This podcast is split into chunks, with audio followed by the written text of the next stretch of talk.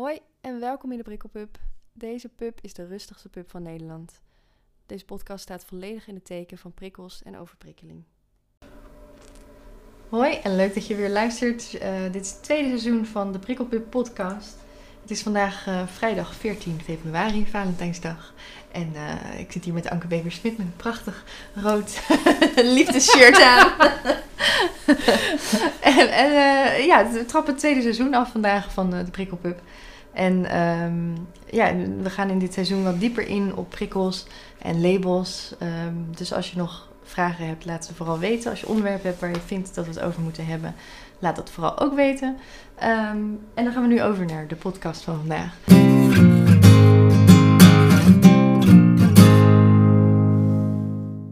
Ik zit hier met Anke. eh, en waar ik eigenlijk altijd mee begin is, waar kennen we elkaar van? Ja, dat is natuurlijk een leuke vraag, eh Britt. Als ik me goed herinner, heb jij me benaderd met een heel leuk idee dat je, dat je had. Dat je al een tijdje daarmee bezig bent. eh, dat je erachter kwam dat je zelf hooggevoelig bent. En dat je dat nu eh, heel goed een plek hebt kunnen geven en het zelfs ontwikkeld hebt ook en geïntegreerd. Ja. En nu was jouw droom om ook andere mensen te helpen om meer in hun kracht te komen. En je had je gericht op eh, jongeren, zoals ik dat begrijp. Nou ja, en daarvoor had je me dan uitgenodigd eh, om te kijken of we Ja. wat voor elkaar, voor elkaar kunnen betekenen. En eh, Om even mee te praten. En Ja. natuurlijk ook omdat jij de HSP, wat was HSP Café had georganiseerd in Leiden hier. En dus ik dacht, nee, je bent super ervaren op dit gebied. En ik wilde zoiets voor jongeren doen. Dus toen had ik zoiets van, yes, even eventjes je eh, sparren met je. dus dat is heel fijn. En je, je hebt echt een bijzondere combinatie van kwaliteiten en combinatie van dingen die je doet. Want je bent HSP-coach en auteur. Ehm, je geeft lezingen. Ehm, wat doe je niet eigenlijk? zingen. nou ja, je weet niet. Kan nog gebeuren. Wie weet. Wie weet. En, en hoe lang doe je dat al? Ehm, nou, ik ben met mijn coachingpraktijk begonnen in 2010. Hm. Eh, toen woonden we in Noorwegen en ik ben eigenlijk van huis eh, ecoloog.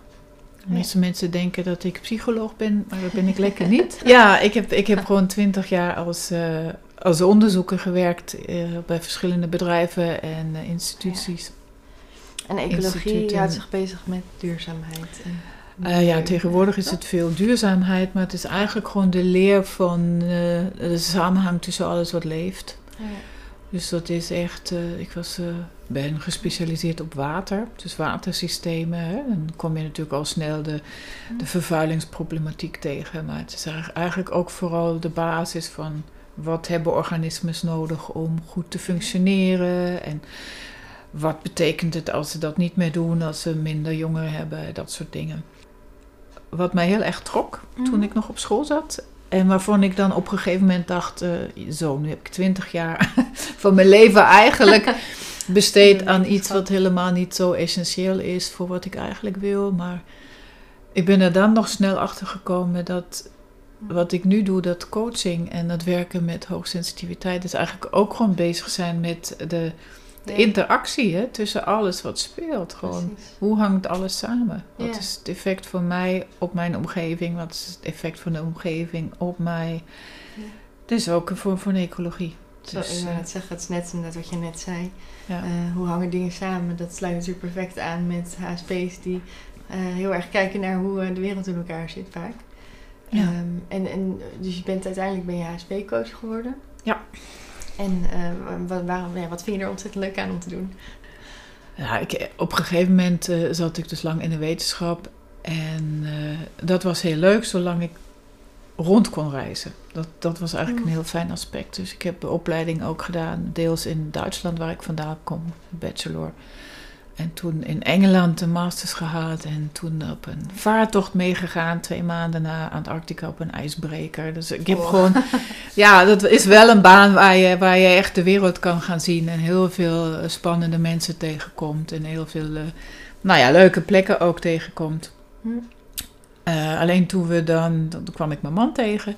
En toen we kinderen kregen, veranderde dat gewoon. Hè? Het Ja. is ook ik had niet gedacht dat het moederschap zo'n effect zou hebben op mij. Maar ja, het is toch hormonaal en je bent verbonden aan het kind. Dus ik kon niet meer zo genieten van het reizen. Ja, van het altijd Ja. maar weg zijn. Zeg Van maar. dat, ja, naar congressen gaan Ja. of, of eh, nou ja, veldwerk doen zoals dat heet. Ergens monsters nemen. En ja, kon ik niet meer zo van genieten omdat dan dat hummeltje thuis zat. En tegelijkertijd was het wel ook zo dat ik ook niet de hele tijd thuis kon zitten. Want dan werd ik knettergek gewoon Ja. met zo'n baby die al bla bla bla bla zegt en verder niet zo heel veel. Ja. Ja, en een partner die wel nog allemaal ging reizen en met wel allemaal Oh, ja. nieuwe informatie en indrukken terugkwam. ja. Dus dat werd een beetje een spagaat. En ik merkte wel dat ik steeds leuker vond om met mensen te werken. Hm. Gewoon In, in de loop van, nou ja, van zo'n wetenschappelijke carrière heb je dan studenten die je begeleidt. En later heb je mensen die hun doctoraat willen gaan halen. En ik werd vertrouwenspersoon en zo. En ik merkte eigenlijk dat ik dat heel leuk vond. Hm. Gewoon echt die mensen te, te, kijken van dat contact. En Ja.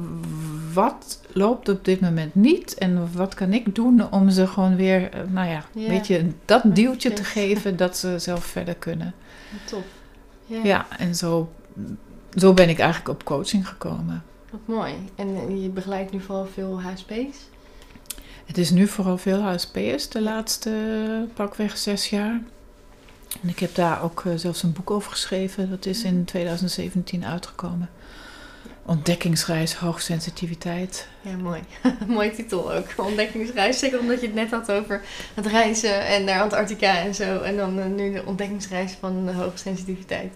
is wel echt Precies. eh, mooi, En- en- Het voelde voor mij ook zo. Ik denk dat voor veel Mhm. mensen zo is. Ik kwam er begin 30, toen ik begin 30 was, achter zo'n heel klein boekje gevonden over HSP. ja. En ik dacht, oh ja, dat klopt wel enigszins. Eh, Oké, dus ik ben blijkbaar, ik neem sommige dingen anders waar dan Mhm. andere, prima. Maar het viel pas ook echt op zijn plek toen ik ook nog eh erachter kwam dat er ook eh, sensatiezoekers zijn. Er zijn Ja. natuurlijk sensatiezoekers hè, die, die op zoek zijn naar prikkels en naar adrenaline, zeg ik altijd. Mhm. Gewoon meer, Ja. sneller, eh, input, input, input. Ja. Eh, het, eh, in de eerdere aflevering heb ik het daar met Inge ook over gehad. Inderdaad, de High Sensation Seeker, oftewel de HSS. Dat is een soort subtype van HSP eigenlijk. Ja, precies. Het, het wordt, traditioneel gezien wordt eigenlijk gezegd dat er ongeveer een vijfde van de bevolking hoogsensitief is. En 30% daarvan weer, dus ongeveer een derde daarvan weer, Ja. is eh sensatiezieke HSS. Nou ja, dan kan je je voorstellen dat is ongeveer 6 op de Zes, 100 op- mensen of zo. Ja. Dus niet heel erg veel. En wat misschien belangrijk is, er zijn heel veel eh sensatieziekers die dus. Niet hooggevoelig zijn. Ja, precies. Daar hadden we het net nog even over. dat is wel een goed Ja. onderscheid om te maken. misschien. Ja, en dan krijg Ja. je een heel ander type mens natuurlijk. Want Ja. de- met dat sensatie zoeken, het is allemaal leuk en aardig. Maar je kan een tijdje zoeken Hm. en dan heb je het. En dan heb je als gevoelig persoon toch eigenlijk altijd eh, tijd nodig om daar weer van bij te komen. ja. Dus als, als, eh, als puber was dat bij mij altijd ik zo, nou, ik ging, ik ging, ik ging paardrijden, ik ging van alles doen, ik ging dansen, vooral, vooral veel uit inderdaad. En op een gegeven moment dan, woem, Hm. dan kreeg ik migraine. Zo was Oh ja. dat in die tijd. En dan lag ik gewoon twee dagen plat. En, ja. nou ja, Omdat voor- het te veel prikkels waren. precies, en voor mensen die, die dat niet kennen, nou ja, daar, daar helpt ook geen eh, paracetamol of wat dan ook. Ehm, Nee. Dat helpt gewoon niet. En ik ging dan altijd eh, ook nog echt overgeven, om de anderhalf uur overgeven. Ja. Het was best heel heftig. Nou ja, en toen eh, had ik automatisch die pauze die ik zelf nog niet kon nemen. ja, precies. Pas toen ik ouder werd, ergens in de twintig, dacht ik, wacht even, daar zit een patroon achter. Ja. hey. hey, daar zit een patroon achter. Altijd als dat, dan krijg ik migraine. Als ik dan nou voor ben, dan krijg ik ook geen migraine meer. En dat- zo was het dan ook. Ja, mooi is dat, ja. Gewoon eigenlijk... Laatst had ik het er ook met iemand over, de eerlijkheid van je lichaam of zo. Die, die dat al eerder aangeeft dan dat je het zelf eigenlijk kan. Dus dan krijg je gewoon die pauze die je nodig hebt. Maar Ja, ja, dan, dan moet je wel. ja precies. Ja. En, en dat is dan uiteindelijk een beetje ook de, de reden geweest dat ik, eh, dat ik me gaan, ben gaan inlezen en specialiseren op HSP. Omdat het toch als gevoelig persoon nou, heb je in ieder geval heel veel baat bij als je gewoon je lichaam een beetje leert kennen en je reacties leert kennen, ook op voedingsmiddelen of op bepaalde mensen, op omgeving, Ja. wat het met je doet. En eh, ja, want dan weet je wat je, wat je nodig hebt en dan, dan kan je zorgen dat je dat meer krijgt in, in plaats van ook uit te dragen. Ja, maar ik heb dit nodig en je geeft het niet aan me. ja, precies. Dan word je zo'n, nou ja, als je pech hebt, word je zo'n zeurderig slachtoffer. Ja. In ieder geval word je er niet blij van. Nee, precies. Daar word je niet beter van. Nee, beter, nee. Want denk Nee. je dat HSP een kracht is? Ik denk het wel, maar het is, het is ook niet de oplossing tot alles. Hè. Het is niet magisch Nee. in die zin van eh, dan, dan krijg je alles voor elkaar met maar even de vingers te knippen of zo. Ja. Ik denk dat het wel een kracht is als je, als je gewoon authentiek durft te zijn. Hm. Ja, da- daar gaat het eigenlijk om. Als je, als je gewoon durft te zijn wie je bent. Gewoon, toen Ja. ik destijds begon te twijfelen aan mijn wetenschappelijke carrière. Nou ja, na twintig jaar heb je wat geïnvesteerd. Ja, best wel. Ja, en Best wel. Ben je al goed op weg, zeg maar. Ja, het ging, heel, het ging gewoon heel goed. Ja. Ja. dus ik dacht, nou ja, maar wat ik eigenlijk wil, waar ik eigenlijk warm van word, waar mijn hart echt van gaat slagen nu, is iets richting coaching en dan nog sterker eigenlijk richting healing. Dus eh, wat, Ja, wat veel mensen als energy healing eh, Hm. nu kennen. Dat was nog wat minder destijds, maar dus zo ben ik eigenlijk begonnen weg te gaan van de wetenschap met een, met een cursus Reconnective Healing. Oh ja. Dus wat zei mijn moeder? Het eerste wat mijn moeder toen zei was: Ja, maar je geeft toch niet je carrière op? Ja, precies. Want wat krijg je ervoor terug? Precies, zoiets vaags, of misschien is het een secte of wat dan ook. En daarom wil ik, wil ik mensen. Kan ook nog, ja. Ja, nou ja, daarom wil ik dat alle gevoelige mensen ook wel meegeven. Gewoon, je, ga gewoon echt beetje je dromen najagen. Het hoeft niet gewoon irrationeel of wat dan ook. Maar het- probeer de buitenwereld niet te belangrijk te laten zijn in de beslissingen die je weet die je zou moeten nemen eigenlijk. Precies, ja. Ja. We hadden het net ook wel heel mooi over van is, moet de buitenwereld zich aanpassen aan jou omdat jij gevoelig, extra gevoelig bent? of, of is het andersom? Of is er nog een andere optie, zeg maar? Hoe zie jij dat? Nou, vind ik, dat vind ik ook zo'n leuke vraag. eh. Ehm, kijk, natuurlijk voel je je misschien geliefd als de buitenwereld zich een beetje aan je aanpast. Dat is prettig. Ja. Precies. Altijd leuk als iemand een kopje thee voor je maakt. Dat mocht ik net weer ervaren. Dat is altijd leuk. Maar als je ervan uitgaat, er zijn ongeveer 20% van de mensen zijn HSP. Ja. Dat is trouwens ook nog een vraag, komen we zo op terug. Oh ja, goeie. Ja, maar dat is, dat is dus ongeveer een vijfde. En dat zijn niet weinig mensen. Hè? Dat, dat zijn Nee. ongeveer zes kinderen in een klas. Het is ongeveer de bevolking van de vijf grootste steden in Nederland, toch wel. Ja. Ehm, maar kan je verwachten dat mensen die gewoon niet zo gevoelig zijn, überhaupt weten hoe je in elkaar zit? Mm, Nou, niet. nee, Nee, precies. Voor mij was het een heel inzicht dat dus niet iedereen zo in elkaar zit. En dat moet ik leren accepteren. Want gewoon, het zal nooit zo zijn dat mensen alles doen om jou op je gemak te zetten. Dat is ook niet gezond. Dan kan je ook niet groeien. Nee, precies. Dus ik denk dat er vooral respect moet zijn. Dat je moet durven zeggen van... Oh, kan je bijvoorbeeld even die... Bij mij is dat gewoon zo'n metal muziek in de auto. Moet je niet hebben. Dan, dan word ik, word daar agressief van. Ja, ik kan same. het thuis af en toe wel hebben. Of als ik Ja. uitga kan ik het ook wel hebben. Prima, even een beetje in het rond springen. Ja. Maar in de auto, ik kan het gewoon niet hebben. En Zeker gelukkig als je moet rijden waarschijnlijk. Precies, maar gelukkig, dat heb ik vaker moeten zeggen. Mijn gezin weet het nu. Ik word agressief en dan ben ik niet aardig. Dan En- hebben ze het zelf gedaan, ja. Nou ja, en in zo'n auto, ja, dan hebben ze het Ja. inderdaad zelf gedaan. Als je het aanzet, als je het laat lopen, dan hebben ze het zelf gedaan. Maar ik kan natuurlijk niet altijd bepalen wat voor muziek daar gedraaid wordt. Dat is ook Ja. onrealistisch. Precies, ja. Dus van beide kanten, respect vind ik belangrijk. Nou ja. Ja, ik denk ook dat het wel belangrijk is om te zeggen dat het natuurlijk voor ieder mens geldt. En niet speciaal omdat, ehm, omdat wij gevoeliger zijn. Of Ja. dat je daardoor juist... ehm, kwetsbaar... Ik, ik ben altijd heel erg voor niet om iemands pijnpunten heen dansen, zeg maar. Of zo. Dat, het, ehm, ja, dat je dat zelf wel aan kunt geven wat je nodig hebt. Maar dat je niet van een ander verwacht dat er constant op gelet wordt wat jouw grenzen zijn eigenlijk. En wat jouw Nee. pijnpunten zijn. En dat je dan juist ehm, als je iets niet fijn vindt of niet leuk en je komt, het, je komt het tegen en het voelt naar, dat je daar dan zelf iets mee doet. In plaats van van een ander verwacht dat Ja. hij dan maar eromheen danst. Nee, precies. Want Ja. kijk, als het iets is wat ze zelf ook niet kennen, dan hebben ze ook geen idee wat ze moeten doen of wat ze kunnen Ja. doen. Of, ik, vind, ik vind, je ziet het bij de, bij de jonge mensen ook. Hè? Dat, die, die groepsdwang die je natuurlijk ook eh, op de middelbare heel sterk hebt. En zo. Als je gevoelig bent voor bijvoorbeeld alcohol en al je vrienden beginnen Mm. gewoon lekker te drinken, maar je hebt zoiets van, nou, ik voel me daar niet lekker bij, of ik vind het misschien niet eens Mm. lekker. Dan durf dan jezelf te zijn en te zeggen, ja, nou ja, ik neem één biertje of niet eens en even goede vrienden. Maar dat, het gaat wel ver om dan van hun te vragen dat ze bijvoorbeeld jou ook niks meer aanbieden of zo. Dat, Of dat het helemaal verbannen wordt waar jij bij bent. Dat je het niet eens wil zien, zeg maar. Ja, Dat dus dat is, ja. dat is echt gewoon de uitnodiging voor gevoelige mensen. Gewoon maak er een spel van. Ga onderzoeken wat werkt en nou ja, blijf daaraan trouw. Mm. Hou het luchtig ook wel, denk je niet?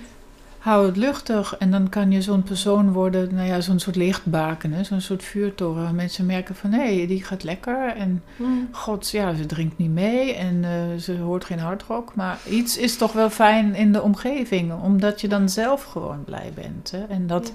dat kunnen natuurlijk hooggevoelige mensen heel goed uitstralen ook. Hè? Soms van die sponsen natuurlijk ook die Ja. die negatieve energie weg ne- lijken te nemen voor, van hun omgeving. Ja. Dat ze ook mensen aantrekken die juist negatief zijn. Mm. Dan Precies. komen we weer in een van de valkuilen. Ja. ja, precies.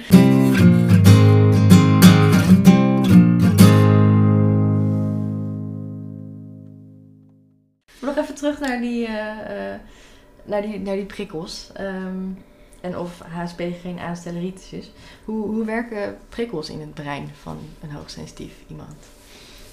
Weet je dat een beetje? Eh, ja, nou ja, ik, ik denk dat het brein. Ik denk persoonlijk dat het brein eigenlijk niet zo heel veel anders in elkaar zit. Mhm. Nu ben ik ook geen breinexpert, moet ik zeggen. Maar dat de, de prikkeldrempels kunnen misschien wat, wat langzamer of, of wat anders functioneren eigenlijk. Ja. Dat, je, dat, je, dat het meer geprikkeld wordt relatief dan bij andere mensen. Maar ik persoonlijk, ook zeker met die wetenschappelijke achtergrond, ik, ik weiger echt te zeggen dat er een ander. Dat er een biologisch verschil is, Ja. of er zelfs een genetisch verschil, wat, wat sommige mensen ook proberen aan te tonen, het HSP-gen. Ja. Ja. Ik, ik eh, ben het daar niet zo mee bezig, eh, maar ik weet dat dat heel gevaarlijk kan zijn om voor dat hoekjesdenken. Mhm. Precies. En juist omdat ook de wetenschap heel erg aan het veranderen en aan het groeien is met nieuwe velden, zoals eh, iets dat heet epigenetica. Hm.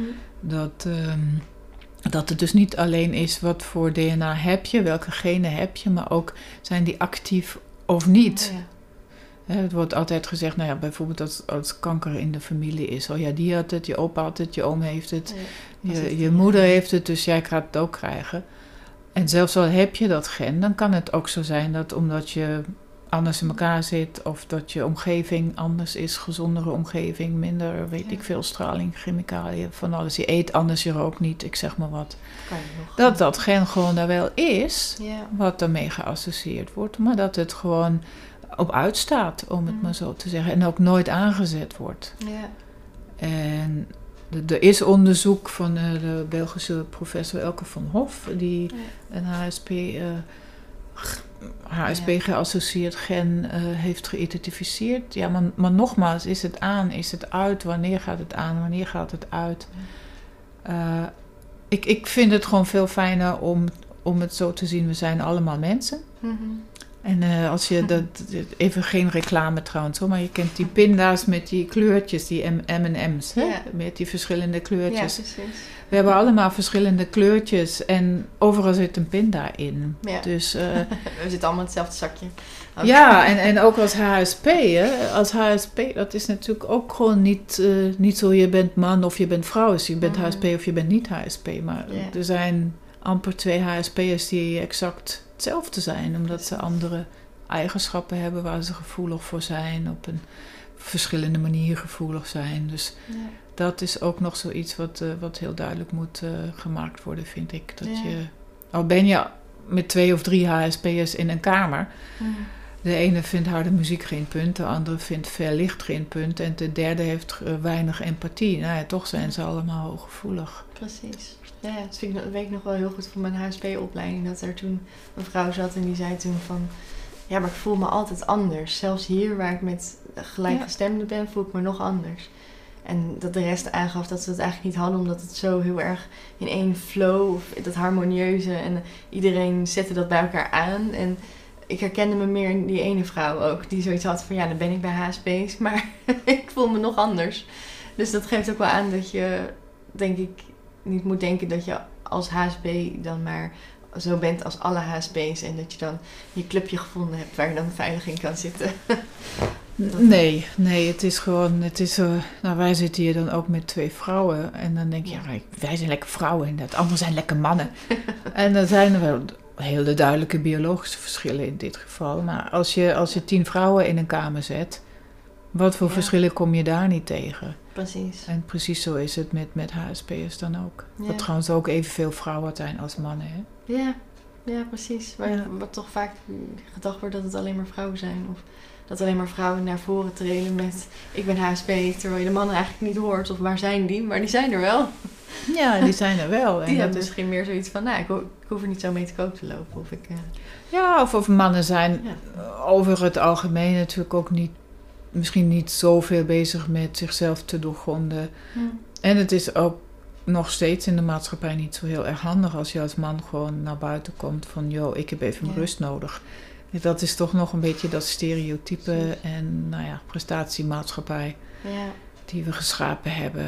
En dat, daar zie ik dan persoonlijk ook weer een echte kans voor HSP'ers over de maatschappij gesproken. Om Ja. Te kijken, nou ja, waar gaan we eigenlijk heen en willen we dat wel met z'n allen? Precies. Dat is, hè, want je hebt het daar ook vaak over, hè, over de meerwaarde van HSP. Wat is voor jou de meerwaarde? Wat betreft de Oh god, ja, kijk, ik, ik ken mezelf niet anders. dat is waar. dat is waar. Eh, ik, ik merk wel, wat, wat ik echt typisch HSP heb, is ik denk gewoon heel veel door. Hm. Daar, daar kwam vandaag een, een post langs op Facebook. Dat ging over die, die koffiezetapparaten met die aluminium capsules. Oh ja. En het was een artikel Ja. over, nou ja, je hebt één capsule per kopje. En in zo'n capsule zit dan ook zink en ik weet het niet meer allemaal. Er zit gewoon heel veel in. Oh ja. ja. Ja, er zit er gewoon, nou ja, aluminium alleen al. Hè. Je hebt Ja. de productie daarvan, het wordt dan weggegooid. Het is echt, echt heel erg, eh, nou ja, fastfood om het maar zo te Mm. zeggen. Het wordt één keer, krijg je het ook gewoon in je kopje. Of één keer gebruikt en dan wordt het weggegooid. En moet het gewoon qua afvalverzorging ook gewoon ook weer, eh, nou ja, opgeruimd worden. Dus dat is iets waar ik eigenlijk in het begin, zelfs met die Senseo-apparaat, is ook weer niet Mm. als reclame bedoeld, maar die, die pads had je toen nog, die, die Mm. ook per kopje eigenlijk, of per twee kopje had. Dus één pad, dat ik dacht, maar zoveel koffie voor één kopje. En, en dat materiaal daaromheen. En nou ja, ding gooi je dan weer weg. Dat ding gooi je weg, dat doe je met die Ja. capsules ook. Maar daar kwam dus vandaag voor het eerst, in ieder geval bij mij op Facebook langs, op van, nou ja, die capsules, dat zorgt wel voor heel veel afval. En er wordt heel veel energie is er nodig Ja. om ze te maken, te transporteren en weer af te voeren. En dan denk ik, ja, maar iedereen die een beetje nadenkt, die, die weet dat al sinds die überhaupt op de markt gekomen Mm. zijn. Mm. Want dan denk je al meteen, dan, oh ja, dat is een nieuw product. Wacht even, hoe werkt het? En Ja. wacht even, wat komt er nog allemaal bij kijken? Ja. Maar dat, ja, dat denk jij. nou, dat, precies. En voor mij is dat heel normaal. ja, precies. Ik denk dat altijd, is ook niet altijd handig. Niet bij jouw product in de Ja, zo ben ik. Ik verveel me nooit, want ik denk altijd. Als ik niet oplet of als ik mediteer. Dat is ja. ook heel fijn om minder te denken. Ehm, maar als je ook zo bent en je denkt veel, dan kan je natuurlijk ook vrij snel aangeven: ja, waar gaat het heen als we die lijn doortrekken? Waar Ja. gaat het heen? Wat voor een maatschappij creëren we? Welke problemen creëren we? Ja. En dan kan je dus een heel eh, waardevolle rol ook spelen als een soort, eh, nou ja, pionier of klokkenluider, een beetje Mhm. negatief.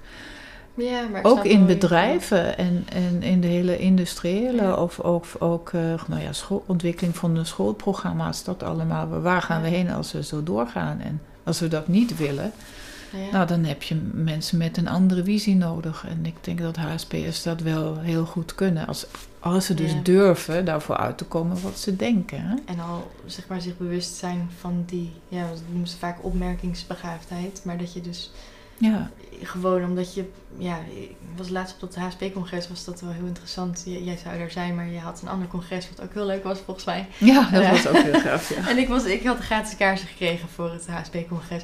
Ehm, maar er was een lezing, ik weet even niet meer hoe de beste man heette, maar ehm, die had het over, het over dat HSP's gewoon gevoeliger zijn voor stress. Eh, dat dat eigenlijk gewoon het brein is eh, sneller gestrest. Ehm, waardoor je dus eigenlijk meer dingen opmerkt dan, dan andere mensen. Wat ook niet altijd zo zwart-wit is volgens mij. Ehm, maar dat is denk ik wel een kracht, ja. Dat je gewoon sneller dingen vallen je sneller op. En dan zegt je gevoel vaak ook sneller van dit klopt niet. Of hier is iets raars aan. Ehm, Ja, dat ja. is denk ik wel echt, dat is wel echt een meerwaarde waar jij het ook over hebt als pioniers. Ja. Ehm, omdat je het, als je er bewust van bent en het aanvoelt dat het niet klopt, dan kun je daar, ja, dan heb je dat gevoel al. Precies. Maar dan moet je er nog wat van zeggen.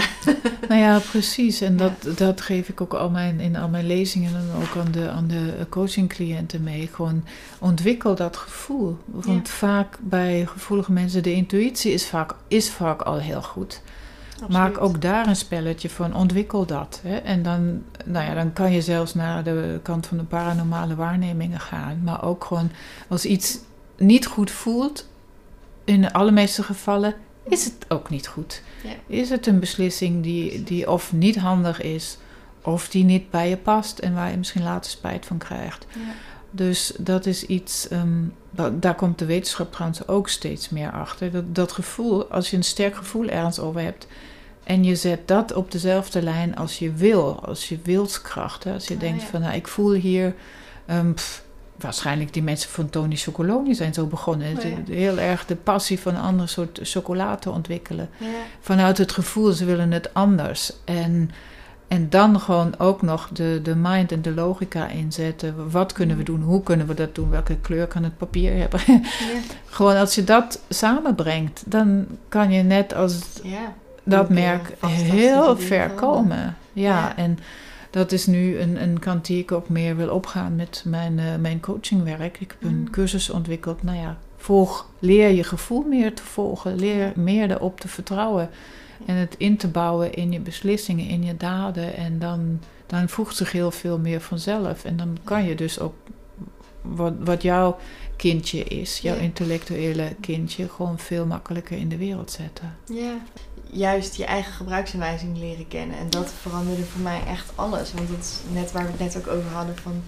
Hè, je bent HSP, moet de wereld zich dan aanpassen aan jou. Ehm, maar iedereen heeft wel iets, een, een label of een diagnose of een handicap of een ziekte of iets, weet je wel. En alleen, en natuurlijk moet daar rekening mee gehouden worden. Maar de enige die dat kan doen ben jezelf. Ja. Ehm, en daarom vind ik dat zo ontzettend belangrijk dat mensen hun eigen gebruiksaanwijzing leren kennen en weten wat je grenzen zijn. Ehm, en om te weten wat je grenzen zijn, moet je dat eerst gaan voelen. En dus je Ja. bewuster zijn en wat meer naar binnen, waar meditatie dan weer geweldig voor kan werken, vind ik.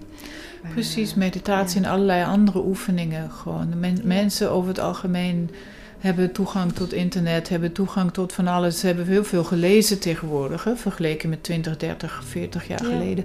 Maar als je het niet toepast in je dagelijkse leven, als je niet af en toe de tijd neemt om terug te komen van hoe voel ik me eigenlijk of ben ik eigenlijk bezig met wat ik zou moeten doen of wat ik zou Ja. willen doen, dan, dan blijft de theoretische kennis en dan zet het echt totaal geen zoden aan de dijk ook. Precies, ja. Dus dat, dat is ook iets wat ik, nou ja, waar ik die cursus voor ontwikkeld heb, dat, je, dat we het echt gewoon gaan doen. ja. Een stuk theorie en hoe bouw je het nou in je dagelijkse leven. En ja. in een groep kom je dan ook mensen tegen waar je heel open mee kan praten. Mhm. Dat heeft natuurlijk niet iedereen die dan het over van alles wat je bezighoudt Ja. kan, kan hebben thuis. Of we zeggen van laten we die oefeningen even samen doen of zo. Maar in een groep, dan, dat geeft zo'n zo'n steun. En alleen al in, in de HSP-wereld dat je weet, je bent gewoon deel van ongeveer een vijfde van de bevolking. Nou, dat is gewoon fantastisch. Ja. ja, precies. Niet iedereen is hetzelfde, maar...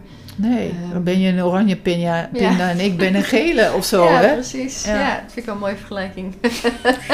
We zijn allemaal, we zijn allemaal pinda's. Ja, ja toch? Ja, van binnen zijn we allemaal pinda's. Ik vind het mooi, ja. Ja, ja. ja precies.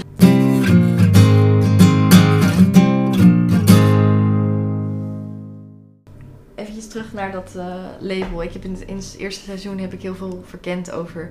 eh, nou ja, precies over die pinda's. over, over de... heel seizoen lang over pinda's gehad. nee. nee, maar de, in de, de verschillende gasten die ik heb gehad... die hebben allemaal op een andere manier last van prikkelgevoeligheid... of hebben dat juist weten om te zetten in een kracht. Ehm, ondanks zeg maar verschillende diagnoses en labels en hele andere eh, dingen tussen hun, zag ik eigenlijk juist alleen maar overeenkomsten tussen al die mensen. Ehm, En Hm. ik wil eh, in eh, het tweede seizoen het juist een beetje gaan hebben over die labels en wat als je er dus wat meer van loskomt. Dus dat is perfect dat we het nu net hier over hebben. Iedereen is een pinda. En Ja. eh, je bent een ander kleurtje pinda en wat je voor label of diagnose hebt, maakt eigenlijk niet uit. Ehm, maar eventjes terug naar het label van HSP. Want veel mensen ehm, zeggen HSP te zijn of hebben dat, hebben dat label gekregen. Ehm, zie jij dat het een meerwaarde heeft als je dat, als je dat hebt, zeg maar, dat label? Ja, dat, ja. Eh, geef je dat zelf eh, als je als cliënten bij jou komen bijvoorbeeld? Ik denk Zeg je dat jij bent HSP. Nee, dat zeg ik niet. Eh, ik, ik werk sowieso meer vanuit dat mensen er zelf achter komen. Je, Mhm. Ik kan wel de vragen stellen, Ja, maar het is zoveel sterker als mensen uit zichzelf het antwoord vinden. precies. Dan is het in hun woorden, met het gevoel wat bij hun hoort. Ja, ja Dan, ja. dan is het gewoon echter en, en past het beter. Ik, ik ben niet zo van de labels, Brit. Hè? Want ik, ik zit natuurlijk in. Ik zit ook in heel veel labels. Ik ben eh, moeder, ik ben vrouw, ik ben buitenlander, ik ben ex-wetenschapper, ik ben Ja. HSP-expert, ik ben auteur. Ik heb Ja, gewoon allemaal, eh, ontzettend veel labels. Maar ik vind Ja. dat zo. Het, het, het helpt jezelf, vind ik. Mhm. Als je weet, oké, er is iets dat, heet- dat heet HSP. En ja. ik werk heel graag in het begin met die, die oorspronkelijke, oorspronkelijke lijst van eh, Eileen Aron. Mhm. Die ze gemaakt heeft, die 23 vragen. Het is gewoon heel simpel, die ja-nee vragen. Dat geeft Ja. nog steeds, vind ik, een fantastische indicatie. Ja. Eh, je leest die vragen. Laat ik er even eentje uitpikken. Werd je als kind door je ouders en leraren als verlegen gezien? Is er zo eentje bijvoorbeeld. Hè? Ja. En eh, heb je moeite met het uiten van je eigen mening? En zelfs, zelfs al antwoord je hier nee op, Mm. dan geeft het al een inzicht van: oh ja, er zijn dus mensen die dat hebben. En Ja. het brengt het naar een bewust niveau. Ja. En je kunt zelf dan eh, daarmee verder gaan. Maar ik vind altijd als je zo, als je iets uitdraagt, hè, als ik nou uitdraag, ja, ik, ik ben Duits bijvoorbeeld, dan, ehm, dan schept het verwachtingen dat ik wat verwacht van die andere mensen. Mhm. En dat wil ik eigenlijk niet, want ik, ik heb liever zelf de teugels in handen. Ja. En als je dan zegt, ik ben HSP, dat, dat is voor mij ook een verschil. Ik ben of ik heb. Ja. Ik weet niet of dat voor andere mensen ook zo is, maar ik heb is meer zo, ik heb de griep. Ja, Dat- precies. ik voel me ik ben dan wel benieuwd zwak. hoe mensen daarover denken, ja.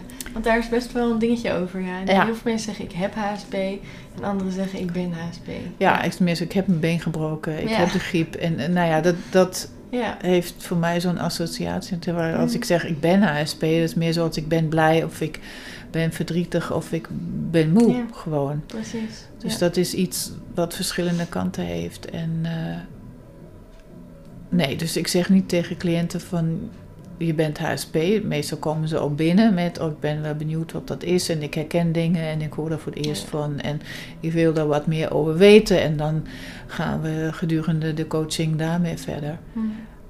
En je moet het toch zelf doen. Het in, integreren, het uitvinden wat werkt voor jou, wat werkt niet voor jou. Ben je wel of niet geluidsgevoelig? Daar begint het al. Hè? Ja, precies. Ja. Ik vind het trouwens nog wel leuk, misschien even voor de luisteraar om te noemen. Mocht je nou zelf geïnteresseerd zijn, ben ik HSP of niet? En wil je, eh, wil je daar verder naar kijken? Je hebt dus die test van Elaine Aron, volgens Ja. mij. Ehm, er is ook een uitgebreidere HSP 3-in-1 test. Dat zijn geloof ik 30 vragen en dan is het meer met nuance. Het is wel een langere, uitgebreidere test. Ik heb hem ook op mijn website staan, maar ehm, dan kun je ook meer zien of je er last van hebt of juist, eh, of juist meer in de kracht van HSP zit. Ehm, dus dat eventjes tussendoor voor mensen als die uh, test willen doen. Ja, precies. Ik heb ze daarom ook allebei in het boek opgenomen. Ja. Omdat die 3-in-1 test, die vind ik, die geeft heel goed aan Mm. hoe je in het leven kunt staan als je jezelf al wat beter kent. Ja, precies. Dat, dan, dan maar krijg deze is goed voor de basis. Die van Elaine Aron is gewoon... Ja, Als je echt nog helemaal niks weet van HSP... en nog helemaal in die ontdekkingsreis zit, letterlijk... ja. dan, eh, dan is dat wel fijn. Maar het, het geeft gewoon heel goed aan. Ik heb, ik heb in cursussen ook al mensen gehad. Hè. Dan deel ik ze uit en laat ik ze met z'n tweeën naar die lijst kijken. Oh ja. En dan eh Ja. voor elkaar zo van, wat? Je hebt 19 kruisjes gemaakt, ik heb er twee. En, Oh en ja. dat schept al gewoon een bewustwording. Hè? Ja? En, en nou ja, als het dan mensen zijn die elkaar ook kennen, bijvoorbeeld leerkrachten in een cursus voor leerkrachten, die zo, oh, oh oké, wa- wat? Nou ja, dat gooit het al een beetje open. Ontstaat er dan niet een soort van... eh, ah, ik, wil, ik, wil ook, eh, ik wil ook HSP zijn. of juist niet. dat je denkt, shit, ik heb alle, ik heb alle kruisjes. Ja, weet ik niet. Ik, misschien is dat toch meer iets van HSP'ers die dan denken van, oh, ik, ik wil ook dat zijn. Ik, eh, ik ben het andersom nog niet heel vaak tegengekomen, laat ik, heb het zo zeggen. denken, was ik daar? Ja. Ja. Wat, eh, wat zie je eigenlijk bij cliënten als ze eenmaal weten dat ze, dat ze hoogsensitief zijn? Nou ja, als het echt helemaal het prille begin is, dan, Ja. dan kan het ook een soort bijna verwarring scheppen. Ah, Zo van, wacht eens even. Oh ja, maar dit had ik altijd al. Maar hoe past het dan daarbij? Dat ze, dat ze beginnen Ah, gewoon, nou ja, ervaringen, puzzelstukjes naast elkaar te leggen en zo. Mm.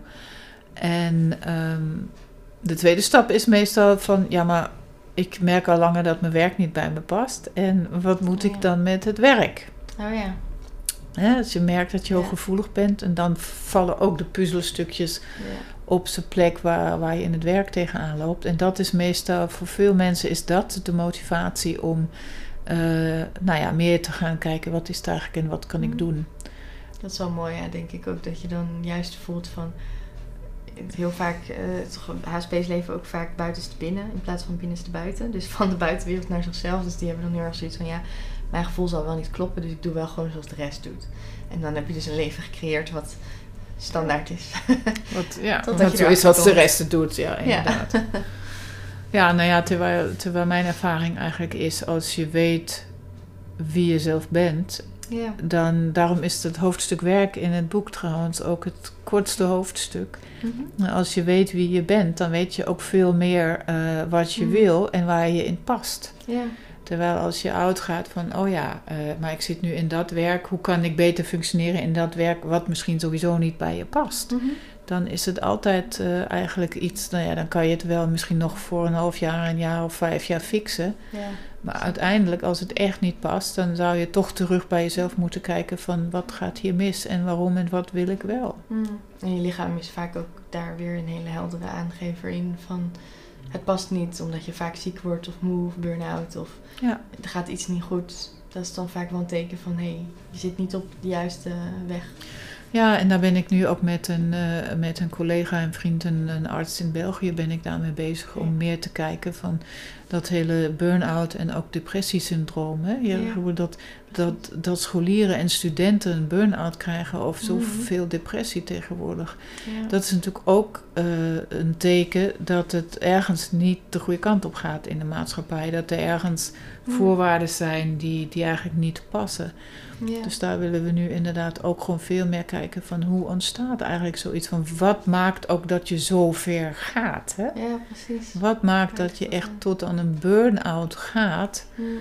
Eh, ja, studenten die zijn waarschijnlijk dan opgegroeid met een bepaald idee van wat ze moeten kunnen vanuit Mhm. hun omgeving. Ja. Is dat wel van deze tijd? Of is dat wel waar we echt allemaal de grootste ook inno- innovatieve eh, ontwikkelingen nog kunnen op stapel zetten? Ja. ja, mooi. Ja. Ik kan hier nog weer een heel eh, een apart gesprek over beginnen, maar ik vind dat altijd heel interessant. Dat Ja. zoveel jonge mensen zo. Ehm, dat heeft natuurlijk ook wat te maken met prikkels. Ik had het daar laatst over ehm Nikki Pommer op Instagram, eh, een bekende naam. Zij had het de laatste over dat ze helemaal overprikkeld was. En ehm, dat je dat vaak als jonge mensen. dat je snel, sneller al die prikkels opzoekt. En maar tot het, tot het gaatje gaat, dat je eigenlijk al te ver bent. Ja. En dat er daardoor ook zoveel jonge mensen ja, gewoon met een burn-out thuis zitten. Ja, en ik Ja. moet je eerlijk gezegd zeggen, als ik dat zo allemaal meemaak hier nu. Mijn dochter is nu 15, met eh, de social media dan in dit geval. Eh, je kan bijna niks meer doen zonder die telefoon. Dan heb je een feestje, Ja. zitten ze nog op de telefoon en eh, hebben contact met iemand die er niet bij kan zijn of zo. ja, precies. Er komt ontzettend veel af Mm. op die jonge mensen. En dat maakt het niet makkelijker om echt bij jezelf te blijven. En bijvoorbeeld eh, Ja. dat, dat verslavingselement natuurlijk ook van Ja, die beloning of dan dat groepsdwang van wat, je hebt Ja. al vijf minuten niet gereageerd. Ja, Dat eh, is denk ik voor gevoelige mensen echt een ramp tegenwoordig. En dan is het logisch dat je niet aan je rust komt. ja, en ik denk ook wel dat we... Ik weet niet, hè, misschien is het een hard oordeel, maar... Ik zie ook wel vaak dat er het heel, tegen heel veel jongeren is gezegd van... Je kan alles en eh the sky is the limit. Ja. Ehm, alles is mogelijk, waardoor ze juist... eh, weet je wel, alles ligt binnen handbereik. En dat geeft best wel veel druk, heb ik het idee. Terwijl als je gewoon zegt van nou ja, weet je, wees maar gewoon gewoon. Je hoeft geen uitblinker te zijn. Wees maar gewoon... Het is prima als je gewoon een huis bouwt en eh, daar wonen mensen fijn in. Ja. Ehm, je hoeft niet een popster te zijn of een Nee. Uitzonderlijke wetenschapper of een weet ik veel. Dan gewoon normaal zijn. ja. Ja, dat, dat gewoon dat we eigenlijk niet meer meekrijgen en dus ook niet leren dat het Mm. gewoon eh, belangrijk is te weten wie je bent. Ja. Waar, waar knap je van op? Wat vind je leuk om te doen? Ja. Wat, wat wil je doen? Waar wil je misschien in uitblinken? Dat, dat kan je ook nog Mhm. hebben. En dat wordt heel veel nadruk gelegd op, op dat intellectuele presteren.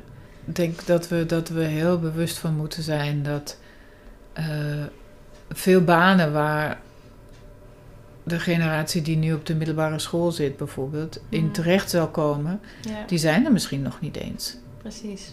Gewoon, kijk, kijk eens terug. Je, je Ja. kan nu influencer zijn. Precies, Dus, ja. eh, dit is volgens mij ook iets van de laatste, wat, vijf jaar of zo. Dus Mm. het is gewoon een illusie te denken dat je, dat je nu met een standaard opleiding zoals die nu nog zijn, je levensgeluk kan vinden. Want de kans dat je over tien jaar een baan hebt die, die er nu nog niet eens is, Ja. die is redelijk aanwezig. En dat je meerdere banen hebt in de loop van je leven. En niet zoals onze grootouders misschien. Nou ja, je wordt geboren op een boerderij, je wordt boer en eh, dat, dat ben je dan tot het eind Mm. van je dagen. Nou ja, dat, dat is natuurlijk Precies. nu al eruit. En dat gaat alleen nog maar toenemen. En dat er juist gewoon de ontwikkelingen zo snel zijn. Er komen nieuwe uitvindingen die weer een nieuw soort baan creëren. Andere Ja. dingen vallen weg. Ehm, misschien nog een mooie vraag. Ehm, wat, is, wat is het belangrijk om eigenlijk te leren als, als hoogsensitief persoon om je lasten om te kunnen zetten naar kracht? Wat vind jij? Wat, wat- zou jij één ding zeggen van dat is echt key, dat moet je echt kunnen? Eh, nou, wat, wat gebleken is uit de praktijkervaring, is dat het echt eh, heel belangrijk is om te kunnen plannen. Oh. Of Ja. te leren plannen. Mhm. Dat je namelijk met al je ideeën in je hoofd, dat is heel fijn als je die hebt. Precies, beelddenkers en Beelddenkers en mogelijkheden zien en dat soort dingen. Maar als je er niks mee doet, dan komt er ook niks van. ja, precies. Zo is het gewoon. Maar dat, HSP's, we hebben duizenden ideeën en eh, niks komt af. of, of ja, niks start of Ja. alles start half. Ja. ja, of, je- of je komt constant te laat en je verliest je droombaan of, of dat soort dingen. Weet je, dan kan je wel twee keer zeggen, gewoon ik had een lekker band, maar op een gegeven moment Ja. ik had dat niet meer. Dus een bepaalde, eh, nou ja, bepaalde manier van plannen die bij je past. Ja. Eh, maar dat begint ook allemaal daarmee dat je, dat je gewoon weet wie je bent. Ja. Weet je, dat je gewoon weet, oké, je hebt eh, vroege vogels, dan, die staan dan op en doen van alles voordat ze überhaupt de deur uitgaan. Ben je dat, nou ja, Hm. hou daarmee rekening. Plan, daar gaan we weer. Ja. Plan bepaalde activiteiten in de ochtend die je misschien moeilijk vindt met administratie of eh, weet ik veel. Belastingsformulieren, ik zeg maar wat, wat je lastig vindt. Ja. Ben je geen vroege vogel, dan plan je dat misschien liever voor 's avonds naar het ontbijt of naar het avondeten. Dus hou daar rekening mee. Vind uit wie je bent en wat voor je werkt. En als mensen zeggen van ja, je mag geen koffie drinken als HSP'er, nou, ga dat eens uitproberen. Mhm. Als je dat graag wil. En Hoe het voor jou is. ja, hoe dat voor jou is. Toets echt, nou ja, goed, daar komt die wetenschap weer door. Maar toets, ik toets gewoon heel veel dingen voor mezelf. Hè. Ik toets mijn koffieconsumptie, ik toets mijn intuïtie. Mm, ochtends koffie drinken is prima. Als ik het na 12 uur drink, slaap ik niet. Nou, Oh dan ja. weet ik dat. Precies. Dan kan ik dat plannen. Ja. Dan denk ik, ik wil het graag doen, dan moet ik voor 12 uur doen. Nou, het geeft ook weer een ritme. En ik heb ook mijn intuïtie eh, getoetst. Gewoon dat ik dacht, nou, ik had als kind heel goed intuïtie, maar het werd een beetje afgeleerd eigenlijk. Ja, ja.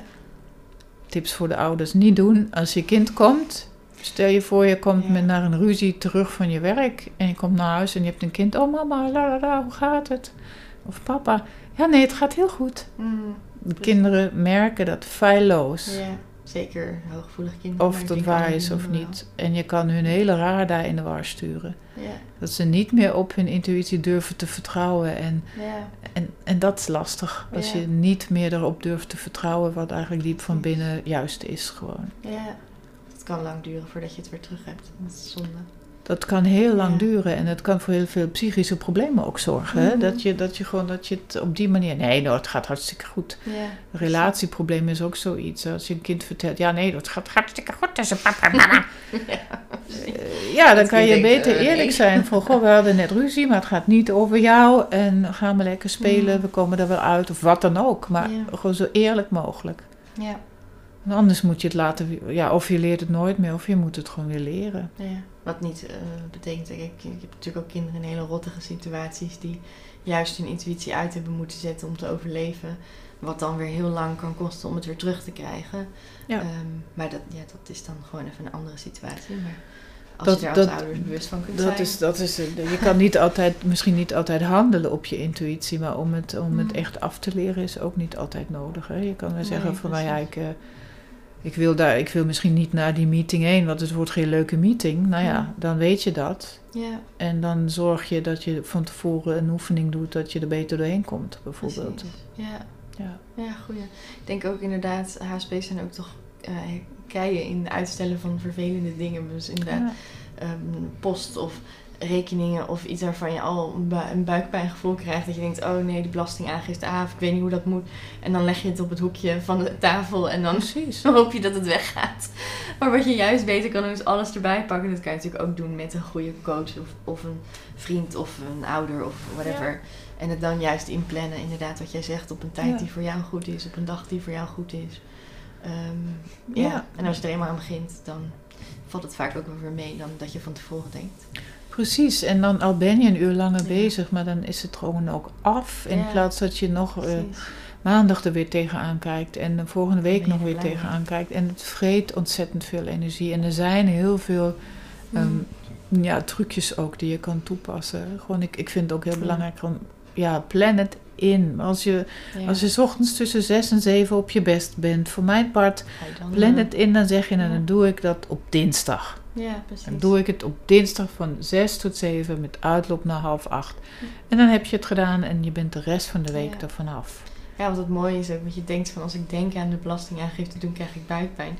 Maar het punt is, als je het uitstelt, blijf je elke keer als je eraan denkt, blijf je Ja. die buikpijn houden. Dus dan heb je er net zo goed pijn van of je het nou wel doet of niet doet. Ja, en langer. En het En vreet langer, die ja. energie die je eigenlijk... Het, ma- Ja. het maakt je ook zo- zo'n beetje... Het paralyseert. Hè? Je, wordt zo'n Precies. beetje, je kan ook niks anders echt ja, doen. precies. Ja, precies. Je kan ook niks anders echt genieten. Terwijl je weet, nou ja, ik heb nog drie dagen tot de deadline. Nog twee dagen, nog één Dat dag. is nog-. Morgen, gisteren had het afgemoeten. En die berg wordt steeds groter. Je bent eigenlijk de hele tijd daarmee bezig. Ja. En, en dat, dat is ook een heel goed punt, eh, Britt, wat je zegt. Je kan, er, je kan er fysieke buikpijn van krijgen. Hè? Ja, precies. Van dat soort dat je, dat je je druk maakt. Maar dat is ook dan weer zo belangrijk om naar je lijf te luisteren. Ja. Ook te denken, oké, ik krijg die buikpijn. Net als wat ik vertelde met die migraine. Maar Ja. Hoe zit dat? Wanneer krijg ik die? Maak een soort dagboekje bijvoorbeeld. Hè? Ja, Want het zou niet alleen met de belasting zo zijn. Andere Wanneer krijg ik dat? Oh, elke keer als ik die en die aan de telefoon had gehad. Of Ja, precies. maak voor jezelf wat, wat voor jou past. Gewoon neem jezelf serieus, maar niet, niet op zo'n hele autoritaire manier, Ja, maar precies. Daar een beetje mee spelen. Zeg een maar, beetje mee spelen. Ja. Ja. Ik, ik, had, ik, ik heb nog steeds dat project, hè, het laatste hoofdstuk van mijn boek gaat daarover waar wil ik zelf heen.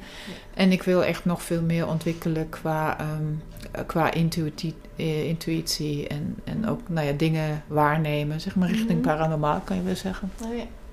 Want ik ben met die healer-opleiding ook Mhm. begonnen destijds. Dus eh, een paar jaar geleden dacht ik, oké, eh, ik weet dat mijn intuïtie wel goed is, Hm. maar ik ga hem nu testen. Oh ja. En met mensen is dat een beetje zo'n dingetje. want die, die antwoorden niet altijd ja. met ja, al heb je het juist. Dat, eh, dat kennen jullie waarschijnlijk ook wel. Ja, dus ik dacht, ik oefen met de rotonde. Dan ging ik gewoon, eh, of op de fiets of in de auto, dat maakt niet uit, op een rotonde af. En dan dacht ik, oké, daar komt die blauwe, daar komt die groene, daar komt die gele. En die gaan allemaal rechtdoor. En die slaat af en dan kan ik erop. En dan ging ik gewoon kijken. Die slaat af. Oh, ja. En dat is echt. Ik ben daar ook al voor gek voor verklaard, natuurlijk. Maar ondertussen is het zo dat ik zo vaak het goed had. Dat ik vaak ook gewoon, nou ja, nu durf te rijden. Als ik het niet zeker weet, dan rijd ik niet. Ja. Maar vaak is het dan zo dat ik denk, oh, die slaat toch af. En dan begin ik alvast en het is altijd goed. Oh, ja. Nu hoop ik niet dat iemand gewoon dit als uitdaging ziet. Voor mij heeft het Allemaal mensen op rotondes. ja, voor, mij heeft dat heel goed gewerkt, omdat het een Mm. bevestiging daarvan is. Als ik echt ergens zeker van ben, dan is het ook zo. ja. En nu ben ik mezelf ook aan het verdiepen in de theorie van hoe komt dat eigenlijk dat je Ja. dat soort dingen kan waarnemen. Ja. Zo, hè? Mm. mensen zeggen, ja, dat kan je niet. Nou ja, het is dus wel Het is ook mogelijk. heel veel lezen, lezen van de situatie. Vind ik ook. Dat is ook Nou ja, dat verklaart de theorie meestal. Hè? Dat, Ja. dat, waarom slaat die auto af? Hoe weet je dat hij eraf slaat? Ja, nou ja, kan je nu een paar theorieën eh, Mhm. ophoesten ondertussen. Maar Mhm. het blijft wel zo dat voordat ik dat allemaal wist, werkte het ook al. Ja, precies. Dus dat, dat vind ik ook gewoon eh, Ja, bijzonder. Ja, gaaf. ja leuk. Ja. Ik heb een laatste vraag nog. Mhm. eh. Ehm, ik kreeg een vraag van Tim. Hij merkt op dat er eh, beter is om te gaan met zijn hoogsensitiviteit door er bewust mee te leven, maar het niet steeds te benoemen. Ha. Hoe denk je over dat benoemen van, van de gevoeligheid? Oh ja, ik vind je kan het best benoemen. Eh, alleen de vraag is, wat is jouw verwachting met het benoemen? Hm. Kijk, als ik hier zit met jou en ik zeg gewoon ik ben HSP, Hm.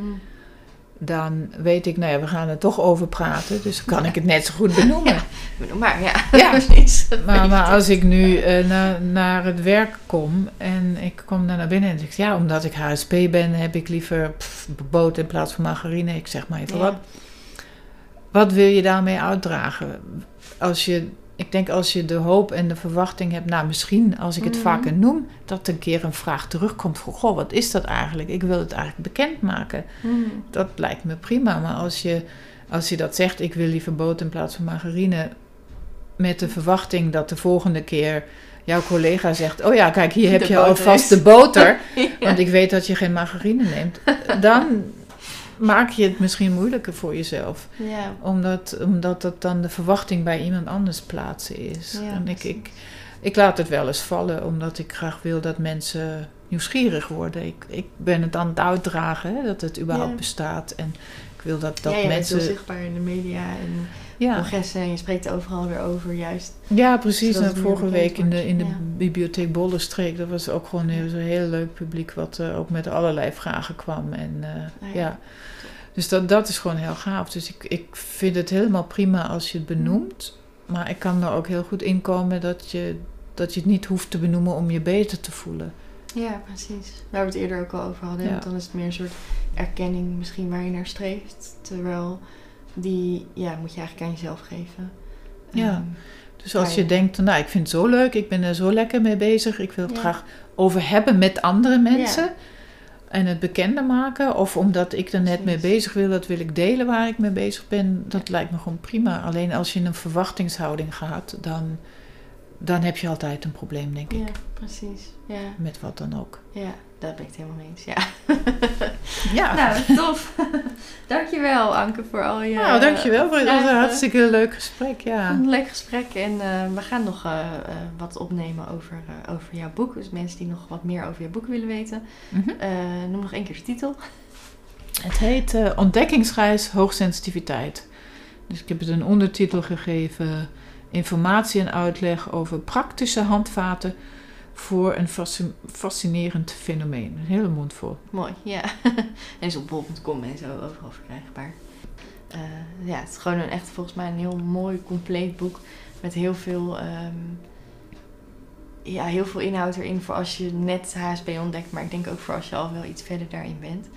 Dat je dan gewoon heel veel meekrijgt. Dus ik, eh, Ja, en ik, ik, ik wilde dat ook graag. En daar komt de onderzoeken ook weer door. Dat ik dacht, ik wil een, een stukje erin hebben over alles wat me relevant lijkt in verband met, met HSP. Daarom zit er ook, ja. het is geen apart boek over kinderen of het is geen apart boek over werk.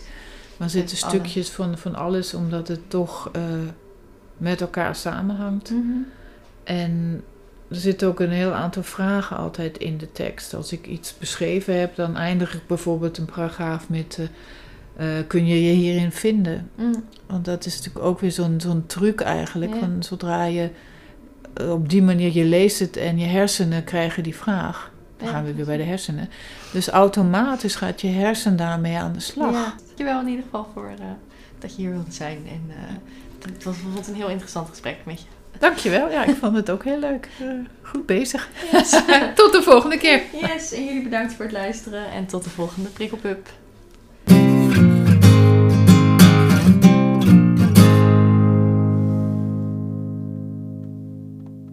Heb je nog vragen, opmerkingen of onderwerpen waarvan je vindt dat we die echt moeten gaan bespreken?